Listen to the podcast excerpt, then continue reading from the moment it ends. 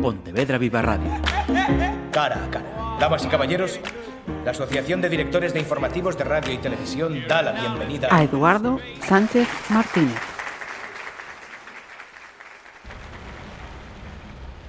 La tarde se estaba tornando cada vez más lluviosa y, añadida a las fuertes rachas de viento, auguraba en breve un temporal de considerable magnitud.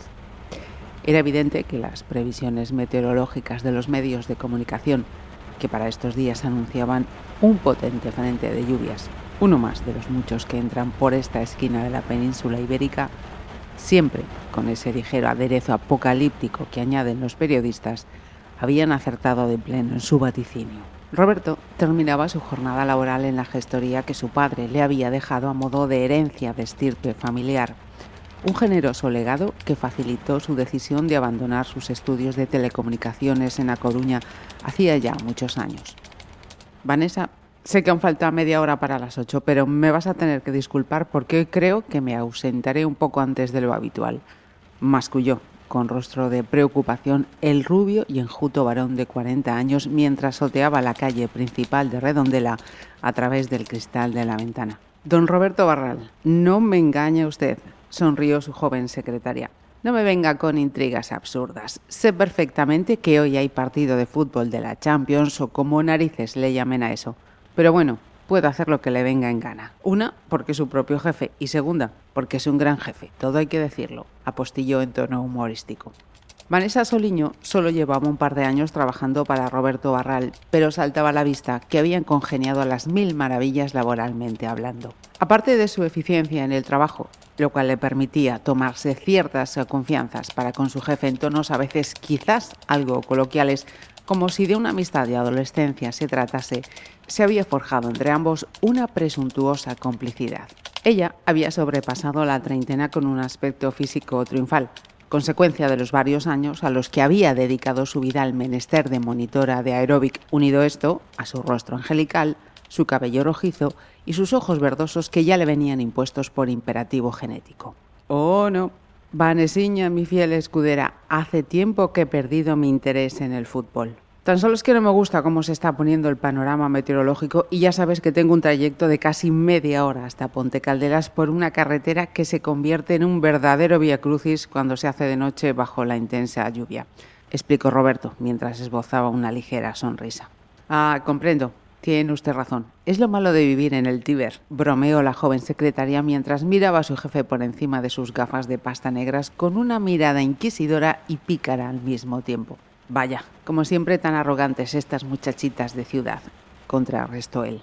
Una lástima, jefe, porque además con este tiempo tan propio de invierno, apetece más que nunca el café de después de trabajar en el rincón de la Alameda para entrar en calor. Mm. Suspiró Vanessa, tratando de tocar la fibra moral de su patrón. Hacía tiempo que a Roberto le rondaba por la cabeza la idea de que a veces tenía la impresión de que su joven secretaria utilizaba algunas frases con ciertas dosis de intriga semiamorosa, pero con tanta sutileza que dejaban a la libre interpretación de su interlocutor las verdaderas intenciones de estas. El hombre de ojos azules, de mirada penetrante y abundante cabello rubio, imaginó por unos segundos una estampa paradisíaca en alguna isla perdida del Pacífico inmerso en una idílica relación amorosa con su joven secretaria, pero velozmente hizo acto de aparición su conciencia para recordarle que estaba felizmente casado. Sí, sí, Vaneseña. Lo cierto es que apetece un café de esos que preparan en ese acogedor lugar, pero me temo que tendremos que posponerlo para otro día. Creo que cuanto más tarde en subir hacia Ponte Caldelas, más riesgo habrá de posibles derrumbes de alguna piedra del monte, algún tronco de árbol atravesado en la calzada o sabe Dios qué otros inconvenientes. Zanjó Roberto Barral. Correcto, jefe. No se preocupe. Lo entiendo. Solo estaba bromeando. Masculló Vanessa por lo bajo. Por cierto, recuerda dejar hecho para mañana todo el papeleo de la tramitación de la compraventa de la embarcación del señor Failde antes de marcharte a casa. Mañana vendrá a firmar y ya sabes que no posee el don de la paciencia, precisamente. Descuide. No se preocupe. Ahora váyase tranquilo y tenga mucho cuidado en la carretera. Nos vemos mañana. Roberto cerró la puerta del entresuelo donde estaba situada su gestoría y se dispuso a bajar las escaleras agarrándose al pasamanos, pues el suelo estaba algo resbaladizo a consecuencia del ir y venir de los vecinos del edificio con el calzado mojado ya que afuera, en la calle, ya hacía un buen rato que había estallado el diluvio universal. Uno más. Al traspasar el umbral del portal y tratar de abrir sus paraguas, una ráfaga de viento dobló las ballenas de este, provocando una histriónica imagen del hombre, a modo de burla e imitación de andar por casa de Jim Kelly, bailando bajo la lluvia. Santo Dios, bramó. Cada vez estoy más harto de estos temporales. Creo que necesito cambiar de aires e irme a vivir a un lugar con clima más cálido resopló para sus adentros, una ilusión recurrente que anhelaba hacía ya algún tiempo. Apurando el paso lo que pudo y totalmente empapado, ya que con el viento la lluvia venía racheada de lado y no había paraguas ni artilugio humano que protegiese de la misma, consiguió llegar al parking descubierto de la Alameda de Redondela donde había dejado estacionado su Opel Astra de color blanco, que ahora parecía un vehículo de camuflaje salpicado de hojas verdes y marrones caídas de los árboles con el fuerte viento. Encendió el vehículo y comenzó su travesía de 25 kilómetros que lo llevaría montaña arriba hacia su casa de Ponte Caldelas. Mientras circulaba a la altura de la localidad de Soutomayor, sonó en la radio del coche la canción Listen to Your Heart de Roxette, haciendo que la estampa paradisíaca con su secretaria volviese a irrumpir con fuerza en su mente. La lluvia arreciaba cada vez con más fuerza, haciendo que los limpiaparabrisas mantuviesen una lucha titánica por tratar de evacuar semejante cantidad de agua que, unido a las pequeñas ramas que de vez en cuando caían de los maltratados árboles, estaban haciendo interminable el trayecto de retorno a casa. De nuevo, como fruto de un sueño fugaz, el platónico amorío se desvaneció de la mente de Roberto, que recobró su conciencia observando el lúgubre y agreste paisaje que se abría ante él a través de la montaña. Una serpenteante carretera a través de un frondoso bosque que atrapaba poco a poco a todo aquel que se adentrase en ella. Un paisaje mágico de esos de la Galicia interior en su máximo esplendor que alcanzaba su clímax en la temporada invernal. Por muchas veces que recorriese ese trayecto, no dejaba de admirar la belleza del paisaje.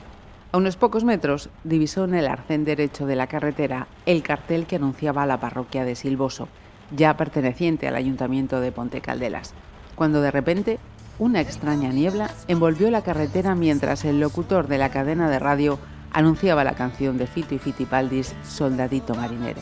Maldita sea, siempre las mismas canciones en esta porquería de emisora, maldijo. Acto seguido, se percató de la presencia de lo que parecía una persona de baja estatura que deambulaba por el arcén de la carretera. Aminoró la velocidad del vehículo, bajó la ventanilla del copiloto y al pasar a la par, observó la silueta de una señora anciana totalmente vestida de negro, con una falda a cuadros grisáceos y una pañoleta en la cabeza, la cual caminaba muy despacio y ligeramente encorvada bajo la intensa lluvia. Una imagen como de otrora, aunque, si bien también era cierto que en estos lugares de la campiña gallega parecía a veces como si el tiempo se hubiese detenido hacía mucho, una especie de universo paralelo impertérrito al paso de los años, ajeno al avance tecnológico de la estresante sociedad del diseño de las ciudades, como criogenizado y encapsulado en un mundo de magia de cuento de fábula. Señora, ¿se encuentra usted bien? ¿Necesita ayuda? Roberto no obtuvo respuesta alguna y se quedó bloqueado durante unos segundos mirando la figura. Un incómodo e inquietante silencio afloró a la vez que algo le parecía extraño y no sabía el qué. Cuando súbitamente la anciana se giró para mirar al hombre, este abrió sus ojos como platos, envuelto en pánico, para comprobar que no tenía rostro ni extremidades, simplemente una aterradora oscuridad a modo de cara. Un berrido gutural fantasmagórico manó de la inquietante figura, llevando al apuesto rubio a un estado de terror absoluto que lo hizo pisar a fondo el acelerador de su vehículo, emprendiendo una despavorida huida. Roberto aceleró su ritmo cardíaco a niveles desorbitados, fruto del miedo, y continuó acelerando y acelerando, preso del horror, al tiempo que divisaba la carretera a través del espejo retrovisor, tratando de cerciorarse de lo que acababa de presenciar y descartar ipso facto la idea de que su imaginación o el cansancio le hubiesen gastado una broma macabra.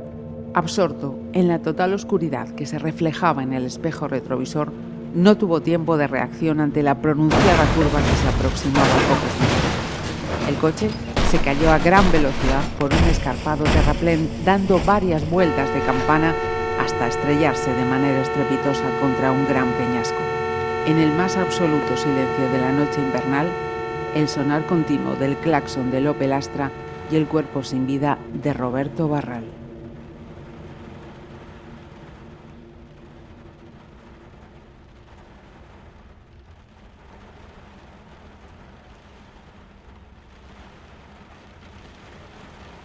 Saludos. El invitado de este cara a cara, Eduardo Sánchez Martínez, ha publicado este mes su primera novela, La curandera del olvido. Es oriundo de Vigo y reside en Ponte, en Ponte Caldelas. Me volveré a equivocar, seguro. Bienvenido, Eduardo. Hola, ¿qué tal? Muy buenos días. Decía, tu primera novela ¿También tu primera publicación o habías escrito ya antes? No, es la primera, soy novel en, esta, en estas lides. Ajá. Has elegido para estrenarte un género con bastante éxito editorial como son las novelas negras, ¿no? Sí, pienso que la novela negra es algo que siempre, los temas de misterio siempre gusta a la gente, es algo que le, que le atrae, le, le llama y bueno, yo tenía una historia eh, y decidí sobre esa historia construir eh, pues esta novela. ¿Qué fue entonces lo que te puso a escribir esa novela? ¿Tenías ya ese gusanillo de decir, yo en algún momento tengo que ponerme a escribir? A ver, se dice que en la vida no eh, hay tres cosas que toda, todo ser humano debería cumplir, ¿no? que es eh, tener un hijo, plantar un árbol, escribir un libro. Bueno, pues nada, dije, voy a por, por el libro. Ajá. siempre, bueno, a mí siempre me gustó mucho la lectura y tal, y, y, tenía la ilusión, pero lo veía así como algo lejano. Y bueno, pues ya te digo, como fruto de un episodio que me, que me ocurrió hace unos años. Eh, Hablaremos de ese, de ese capítulo. Sí, luego, fue si lo quieres, que hablamos un poco sí, sí, más, por favor. más extendido. Uh -huh. Pues fue lo que me, lo que me inspiró a, a, a escribir, a, a, crear una novela que ya te digo que es una ciencia ficción, evidentemente esto no, no ocurrió en realidad, pero sí está uh -huh. inspirado en algo que a mí sí me ocurrió en primera persona. Uh -huh. Porque te puedo preguntar, profesional, laboralmente, ¿a qué te dedicas? Además de escribir la curandera. Yo eh, era, fui, durante 21 años pertenecía a la Guardia Civil. Ajá. Sin pretender hacer spoiler, obviamente, ¿cuál es la sinopsis de la curandera del olvido? Bueno, a ver, sí, tampoco no quiero revelar demasiados detalles, pero bueno, eh, nada, pues trata sobre un, ex policía de la, de, la, de la policía argentina que tiene sus orígenes, viene a conocer sus orígenes en Ponte Caldelas, que su madre era, era de allí, sus abuelos y tal y viene en principio pues a recordar eh, su niñez que pasaba cuando venía aquí. Y eh, se ve envuelto en una serie de, de misterios y de bueno de Ajá. crímenes y, y no digo, se puede quedar quieto y, no y poco a poco cada vez se involucra más y Ajá. sufre algunas vivencias también en primera persona mm, con lo paranormal digamos Ajá. Y bueno, pues ahí empieza la trama. Realmente en el libro hay varias tramas intermezcladas, pero bueno, la principal uh -huh. eh, es, la de este protagonista. Claro. Uh -huh. ¿Cuándo empezaste a escribir La curandera?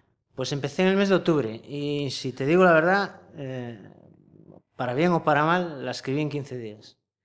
Es que o sea, No la pregunta estaba premeditada porque cuando me lo ha dicho antes me he quedado con la boca abierta. Sé que puede 15 sonar a lo mejor, alguien puede pensar, joder, escribió en 15 días, pues no poco puedes escribir. No, pero es que tenía las ideas tan claras y, y- y tantas ideas.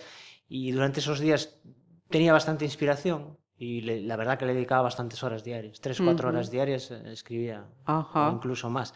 Y incluso llegué un fin de semana a, pues a a encerrarme solo y para terminarla. Ujú. No podía parar en ese momento, una vez que empecé... Te enganchó, vamos, Sí. literalmente te enganchó. Eduardo se pone en octubre a escribir, como dice, en 15 días la escribe, termina y la primera persona a la que se la pasas para, para hacer ese primer testeo, Mi mujer. tu mujer. Sí, mi mujer, que, que conste que me dio algunas ideas. ¿eh? Para- sí, sobre todo, suena un poco fuerte, pero bueno, es así, para cómo tenía que morir alguno de los personajes. En fin, Ajá. algunas ideas me, la- me las dio ella, muy buenas además.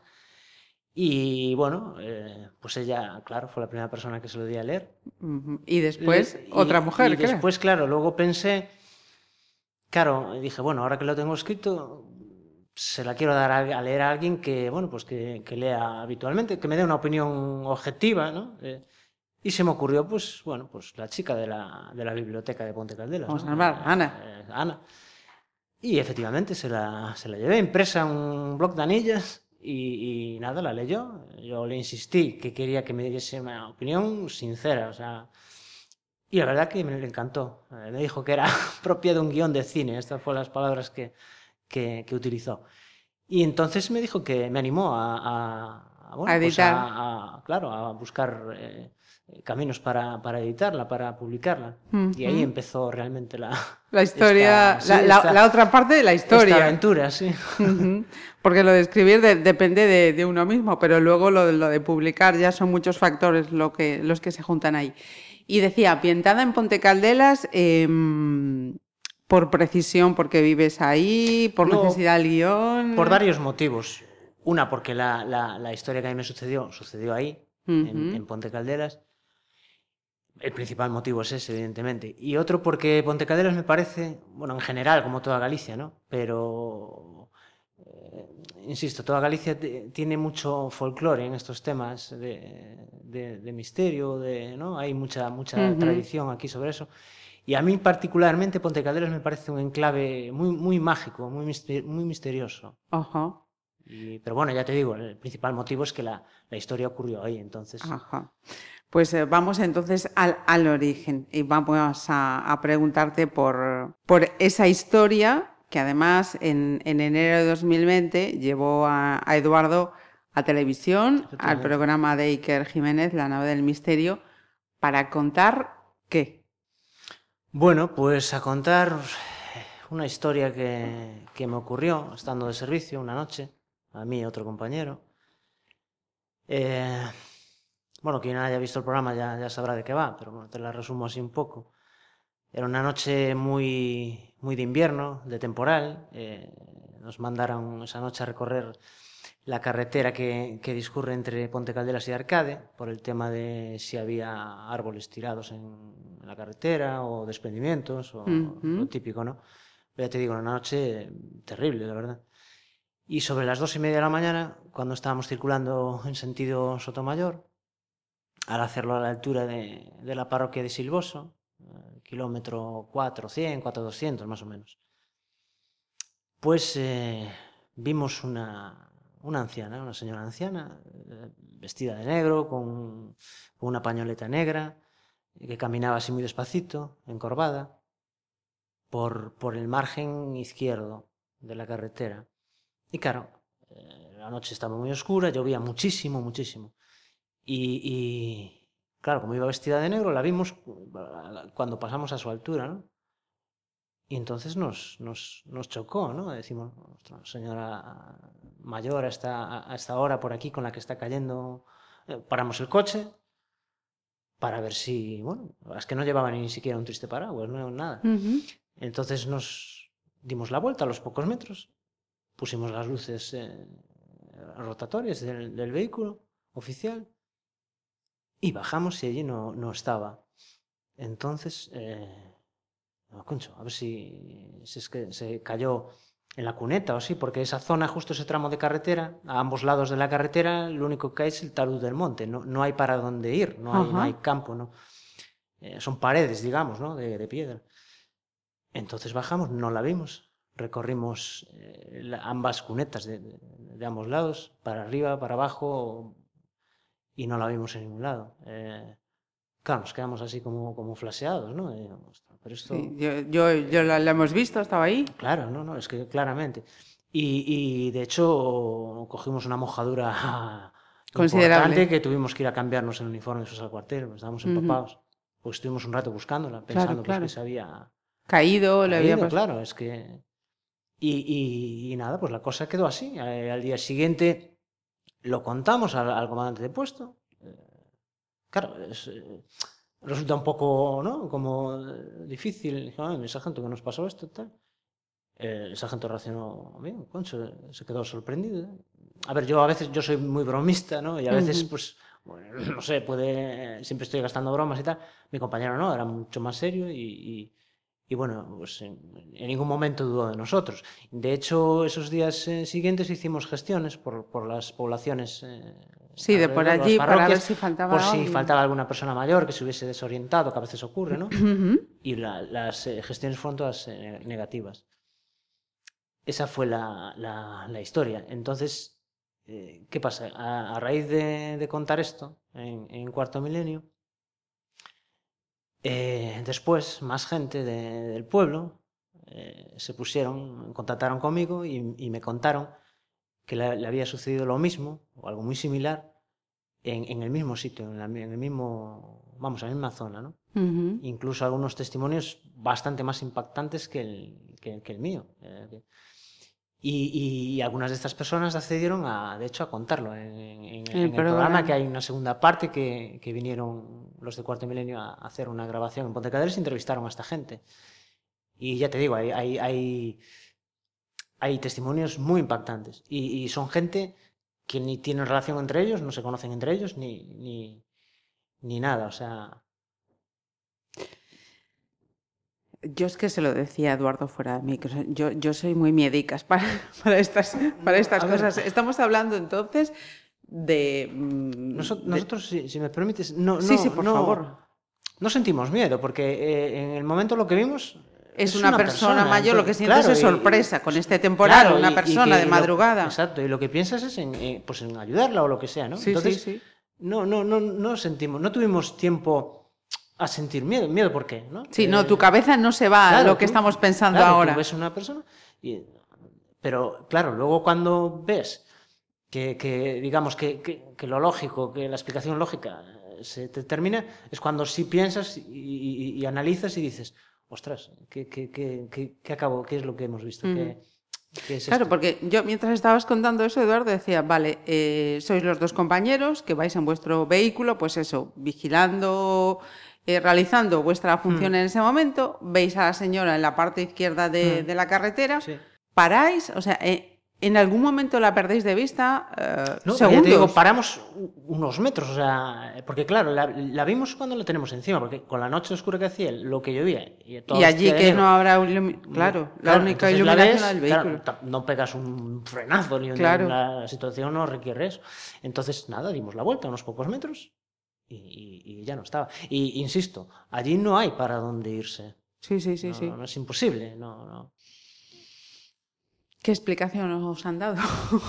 A, ver, nadie te puede dar una explicación de esto. Yo.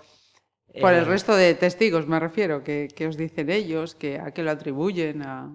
A ver, todo el mundo, claro, nadie tiene una explicación para esto. Podemos hacer nuestras, no sé, nuestras... Tratar de buscar una... una yo es que, ¿qué quieres que te diga? A mí esto me... A mí personalmente, ¿eh? y pienso que a cualquiera que le pasa, eh, me, proporciona otra visión de, de- del otro enfoque de la vida. Eh, en el sentido de que, decir, bueno, si, esto que vimos no, no, no, no, no es algo físico, no es algo material de, esto, a mí me, me, me confirma ¿no? que, que, que, que algo hay, ¿no? esa idea que siempre tenemos, ¿no? nuestras creencias, o mismo creer en Dios o creer en lo que sea, ¿no? que muchas veces Muchas veces no. Esas creencias son simplemente basadas en actos de fe, realmente, ¿no? Porque ni hemos visto a Dios, ni hemos... Efectivamente. tal. Entonces yo, claro, cuando yo te hablo de mi perspectiva, a mí esto me hizo ver la vida de otra forma, ¿no? De- por ejemplo, eh, episodios como la muerte o como que tenemos tanto miedo, ¿no? Pues me hizo enfocarla de otra manera, ¿no? De decir, bueno, si hay algo más. eh, Porque tú, Eduardo, eras eh, crédulo o incrédulo con estas cosas. No, a ver, siempre. Siempre fui de, de- de la idea de que, de que otra cosa hay, ¿no? Eh, bueno, tampoco me creo todo lo que. tal. Una cosa que me decía Iker Jiménez, que eso lo resume muy bien, me lo decía fuera de antena. Me decía, eh, Eduardo, mira, que estas cosas eh, solo se las crea uno cuando le pasan a uno mismo. ¿eh? Y, y es, es lo cierto, ¿no? A ti, Yo te puedo contar misa, pero si tú no, no, eh, no vives una, una, una cosa de estas, pues claro, puedes dudar o puedes... eh, Claro, como decías tú, en ese momento lo, lo- lo que no se te pasa por la cabeza es que estás viendo algo que no es natural, digamos. Al principio no, Claro, evidentemente, porque... es luego cuando dices, ¿qué es lo que he visto? Claro, es que no de decir, no, vi una imagen difusa o vi un... No, no, no, es que claramente, o sea, la persona mm, anciana, mayor, andando muy despacito, eh, como, como te estoy viendo a ti ahora mismo delante, o sea... Ni se inmutó, ni se... Nada, cuando vosotros pasasteis. No, no, no, mm, ella iba caminando muy despacito, eh, mirando hacia el suelo, o sea, de hecho nosotros no le vimos, eh, no nos dio tiempo a verle el rostro, ¿no? Y, y ya te digo, después hay, un- hay un testimonio muy impactante de, de- de cuatro personas que iban en el mismo coche, dos, dos matrimonios, que les ocurrió también la misma, bueno, la misma vivencia, y ellos sí pararon, eh, lo cuenta este, este chico en el programa, ellos sí pararon a su lado, porque también, eh, por lo mismo, es una Sí, señora mayor de noche y tal, en estas parroquias todo el mundo se conoce, y ven y bueno, pues esta señora quen é? Ah, pois non é fulanita, non é menganita, non, non. Entonces pararon por lo mismo, por si necesita, yo que sé, algo, ayuda, lo que sea. Y, y como digo, pararon a su lado y, y, y esta, esta señora, yo, lo que fuese, se giró hacia ellos, se giró hacia ellos y no tenía rostro. De ahí viene, un, bueno, la portada del libro un poco... No tenía rostro, el rostro era oscuridad, no tenía manos, no tenía... A esta gente le entró semejante eh, Pánico. que arrancaron a toda velocidad el coche. Esto lo han contado ellos en el programa. Sí, sé que es un poco fuerte, pero... Sí, no, no, no. Ahora mismo, ¿sabéis lo que es la piel de gallina, no? Bueno, pues, pues eso. No, no me extraña, no me extraña cuando dices que te, que te cambió tu forma de, de aproximarse a, a todo esto. Sí, Y, perdón. de, de hecho, no. eh, quería aclarar una cosa. eh, vamos a ver, la historia del libro No es la historia que nos no es la estás historia contando. real, es, es una ciencia ficción. Eh, Gracias a Dios en Ponte Calderas no hubo muertes, ni hubo desapariciones, ni hubo nada, ¿no? La, la idea está inspirada en esto que me Ajá. ocurrió, pero la novela es una invención, ¿no? Sí, sí, Eso sí, quiero sí. que quede bien claro. Los lugares son reales, pero los, las- los personajes son ficticios y lo, lo que ocurre en la novela es ficticia. Pero sí, eh, la novela tiene un mensaje entre líneas. Que eso es lo que sí a mí me, me gusta o, o- o me gustaría que calase en la gente, en la gente que esté, que tenga la mente un poco abierta y, y receptiva a este tipo de, de cosas. ¿Cuál es el mensaje? Pues lo que te que explicaba ahora un poco, ¿no? Que de cambiar, si puedo ayudar a, a cambiar la, la percepción que tenemos eh, de, de la vida tal cual la vivimos, ¿no? De- que nos dé algo de esperanza, ¿no? El saber que hay otra cosa y, y que fomentemos un poco más los valores y el cariño, la amistad, el amor, que no nos dediquemos a hacer mal unos a otros, que esta vida es solo, o sea, que no es solo este episodio. Ese es, ese es el verdadero mensaje. Sí, me emociona un poco porque, porque, porque sí, porque es lo que busco. Es, ese que mensaje entre casi líneas, nada, transmitir Eduardo. eso. Es que casi nada, lo de fomentar valores, justo en este momento en el que estamos Claro, viendo que es un si- castillo de naipes que se nos sí, va abajo. vivimos en una sociedad que, que somos como autómatas. Estamos, vivimos permanentemente eh, absorbidos por, por, por el estrés, la ansiedad de, de esta sociedad. ¿no? Ujú. y, y a veces eso nos hace perder nuestra, nuestra calidad, eh, nuestra condición humana. ¿no? Eh, Ujú. Cada- pienso, cada vez estamos perdiendo más humanidad. Nos estamos deshumanizando Sí. a pasos agigantados, Tristemente además. sí. Entonces yo, mi, mi intención real con este, con este libro no, no es contar una historia. Ujú. La historia quizás es lo de menos, ¿no? Es, es entretenida, te lo digo, y engancha desde el primer capítulo por la gente que, que lo leyó. Me, eh, buscaba eso, que enganchase también. Pero ya te digo, eh, tiene un mensaje entre líneas que, que para quien lo sepa, Ujú. una moraleja, digamos, que eso sí me, de corazón me gustaría que, que llegase a cuanta más gente mejor. Ajá. Quería eh, preguntarte también por el tema luego de la publicación. ¿Te Mm. has eh, decantado por la autoedición? Ya sabemos cómo está el mercado. Si eres Sí, un escritor es- novel, es ¿no? complicado, Pues es muy complicado. Eh, yo lo intenté con, bueno, pues con unas editoriales, pero eh, lo que dices tú, eh, no, nadie te conoce, es la primera vez que escribes algo y evidentemente, pues no, las puertas están cerradas, ¿no?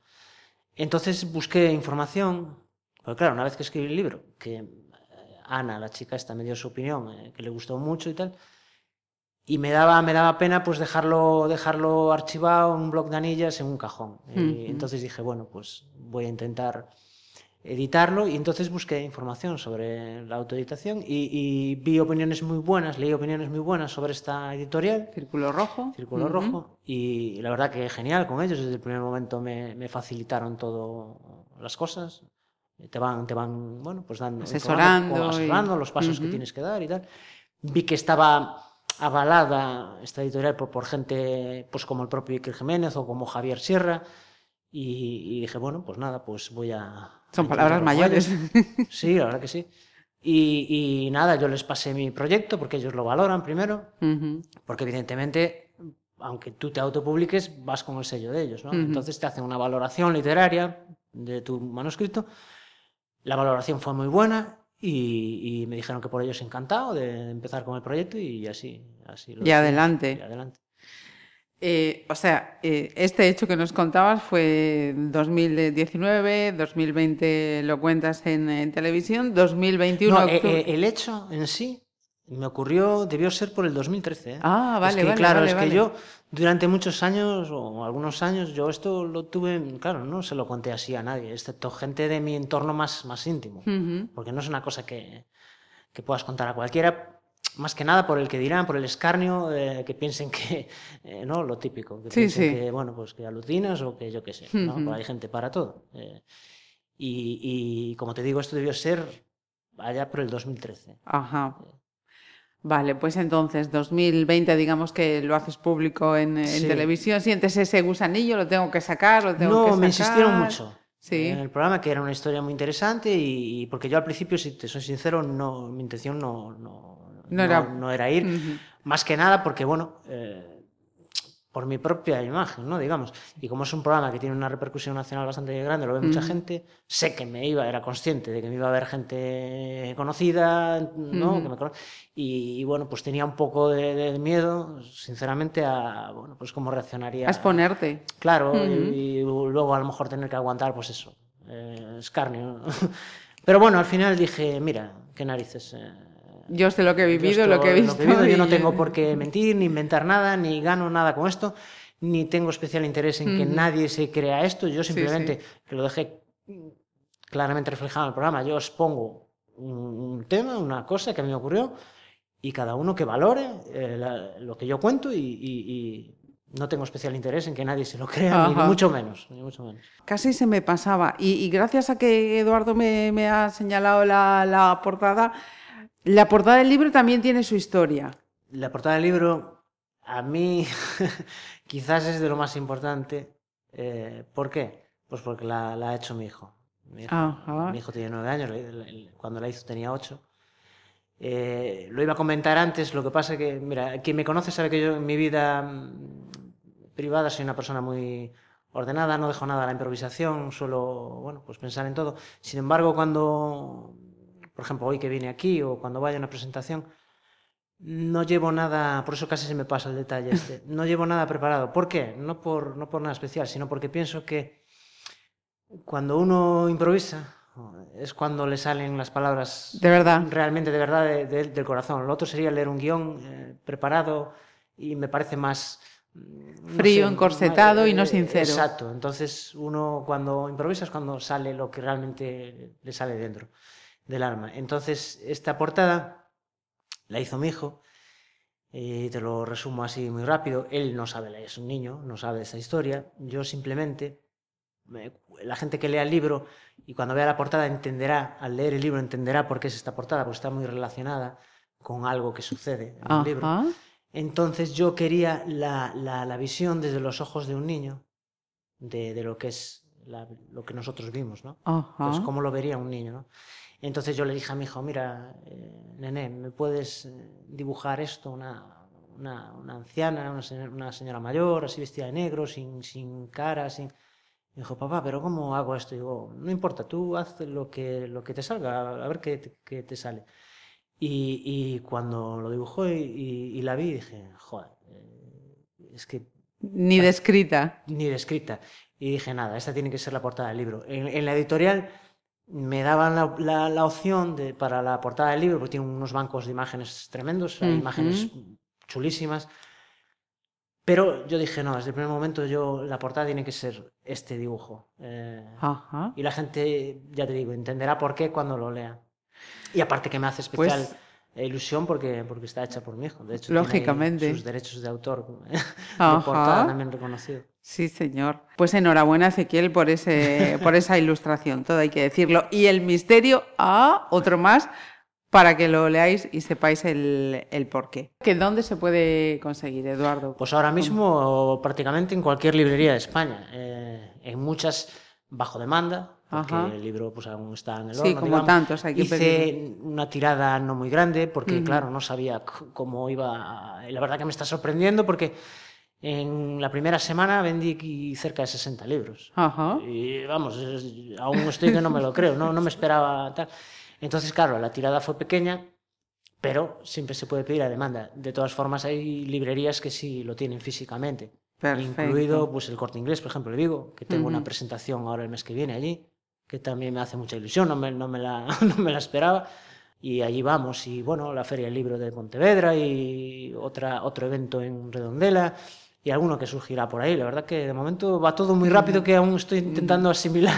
Todo lo que, todo lo que Sí, viene por delante. La, demasiado rápido. la primera presentación ha sido en Ponte Caldelas, ¿no? Evidentemente, por, por lógica pura. Eh, Claro. una porque llevo viviendo ahí 20 años y la- el hecho sucedió ahí, la, la trama de la novela sucede ahí, allí. y entonces yo quería que la primera presentación fuese ahí, Fuese, evidentemente. lógicamente. Y, Ujú. y agradezco muchísimo al ayuntamiento porque se, se volcó bastante con, con el proyecto. Ujú. Tuvimos que buscar una fecha un poco apretada porque, claro, como te digo, ya la semana que viene ya tengo otras presentaciones y yo Ujú. quería que esta fuese la primera.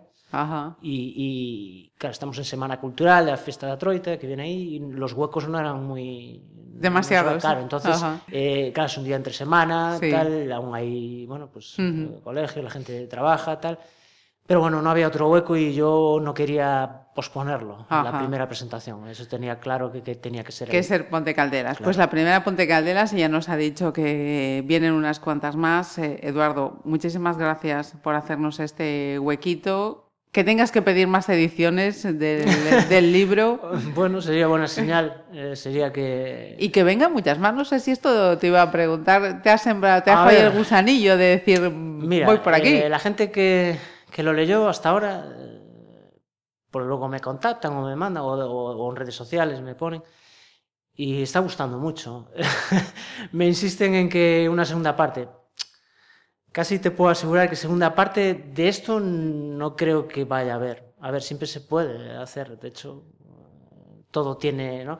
Pero yo soy, esta historia es la que es. Sí, tiene su punto pienso- final y pasará a Claro, otro. pienso que hacer las segundas partes nunca fueron buenas, dicen, y no sé, pero escribir otra cosa, eh, bueno, eh, los inviernos son muy largos y se presta así, y quizás eh, no lo descarto, eh, Ujú. no lo descarto, de hecho, no sé, algunas ideas me vienen así a la cabeza, Mm, ya no relacionado con cosas esotéricas, pero sí, a lo mejor con el mismo protagonista, porque parece ser que tuvo bastante Ajá. bastante buena acogida el protagonista. y, y bueno, pues no descarto, quién sabe. El tiempo no sé, ahora quizás me lo tomaría con más, más calma o tal. Ujú. Esto fue así como muy. Muy Tenía que repentino, salir, muy ¿no? Lo salido, llevabas ahí, muy salido del corazón. de- Sí, por sí. eso, y el libro intenté no escribir paja, Ajá. no, no hacer relleno. Eh, Yo sí, sí leí algunas eh, opiniones en foros de escritores que recomendaban que si tú quieres escribir algo, si tienes una historia, lo importante es que cuentes la historia. Y no, el- un- una novela no va a ser mejor porque tenga 200 páginas o 400, ¿no? Ujú, sino cierto. que tú cuentes la historia que quieras contar, porque a veces si quieres engordar un poco la novela, es que, eh, yo no quería que el, que el lector en ningún momento se quede dormido durmiendo, o sea, leyendo porque se hace un poco pastoso el libro, digamos. ¿no? sí, Entonces- llegas a un momento que pierde el interés. entonces, lo que sí te puedo garantizar es que en esta novela siempre está pasando algo. Entonces, la gente que lo lee me está diciendo, "Joder, es que leo un capítulo y ya quiero seguir. Bueno, pues eso es lo que he buscado. Desde el capítulo 1 lo que quería es que el, el que lo está leyendo se enganche y quiera y en ningún momento... Y de hecho es un libro que la gente lo lee rapidísimo, un par de días y porque quieren seguir, quieren Ajá. saber qué pasa, que al final...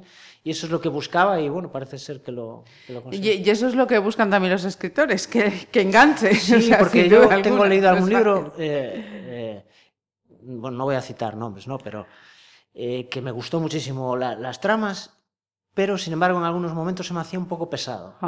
Y, yo intenté, a ver que ya te digo, yo soy no nadie en esto, pero eh, no soy quien para...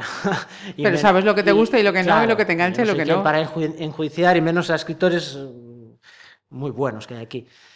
Pero sí reconozco que a veces se me hacía... Y, el libro me, encantaba, pero se me hacía un poco pesado. Yo intentaba evitar eh, eso. sí, sí. Parece que lo has conseguido. Creo que sí. sin duda alguna. Pues Eduardo, muchísimas gracias por atendernos y ojalá te llamemos pues con una con un segundo libro, con Santino o sin Santino, pero Santino, que... supongo que sería Santino porque ya te digo, me gustó a mí el protagonista. sí, sí. Pues lo dicho, muchísimas gracias. Muchísimas gracias a vosotros, de verdad, de corazón. Pontevedra Viva Radio. ¿Me permiten que les haga un comentario como espectadores del programa Cara a Cara? Según un reciente sondeo de mercado, ustedes disponen de estudios e inteligencias superiores a la media. Sus intereses abarcan desde la actualidad mundial y la ciencia hasta el deporte y los espectáculos.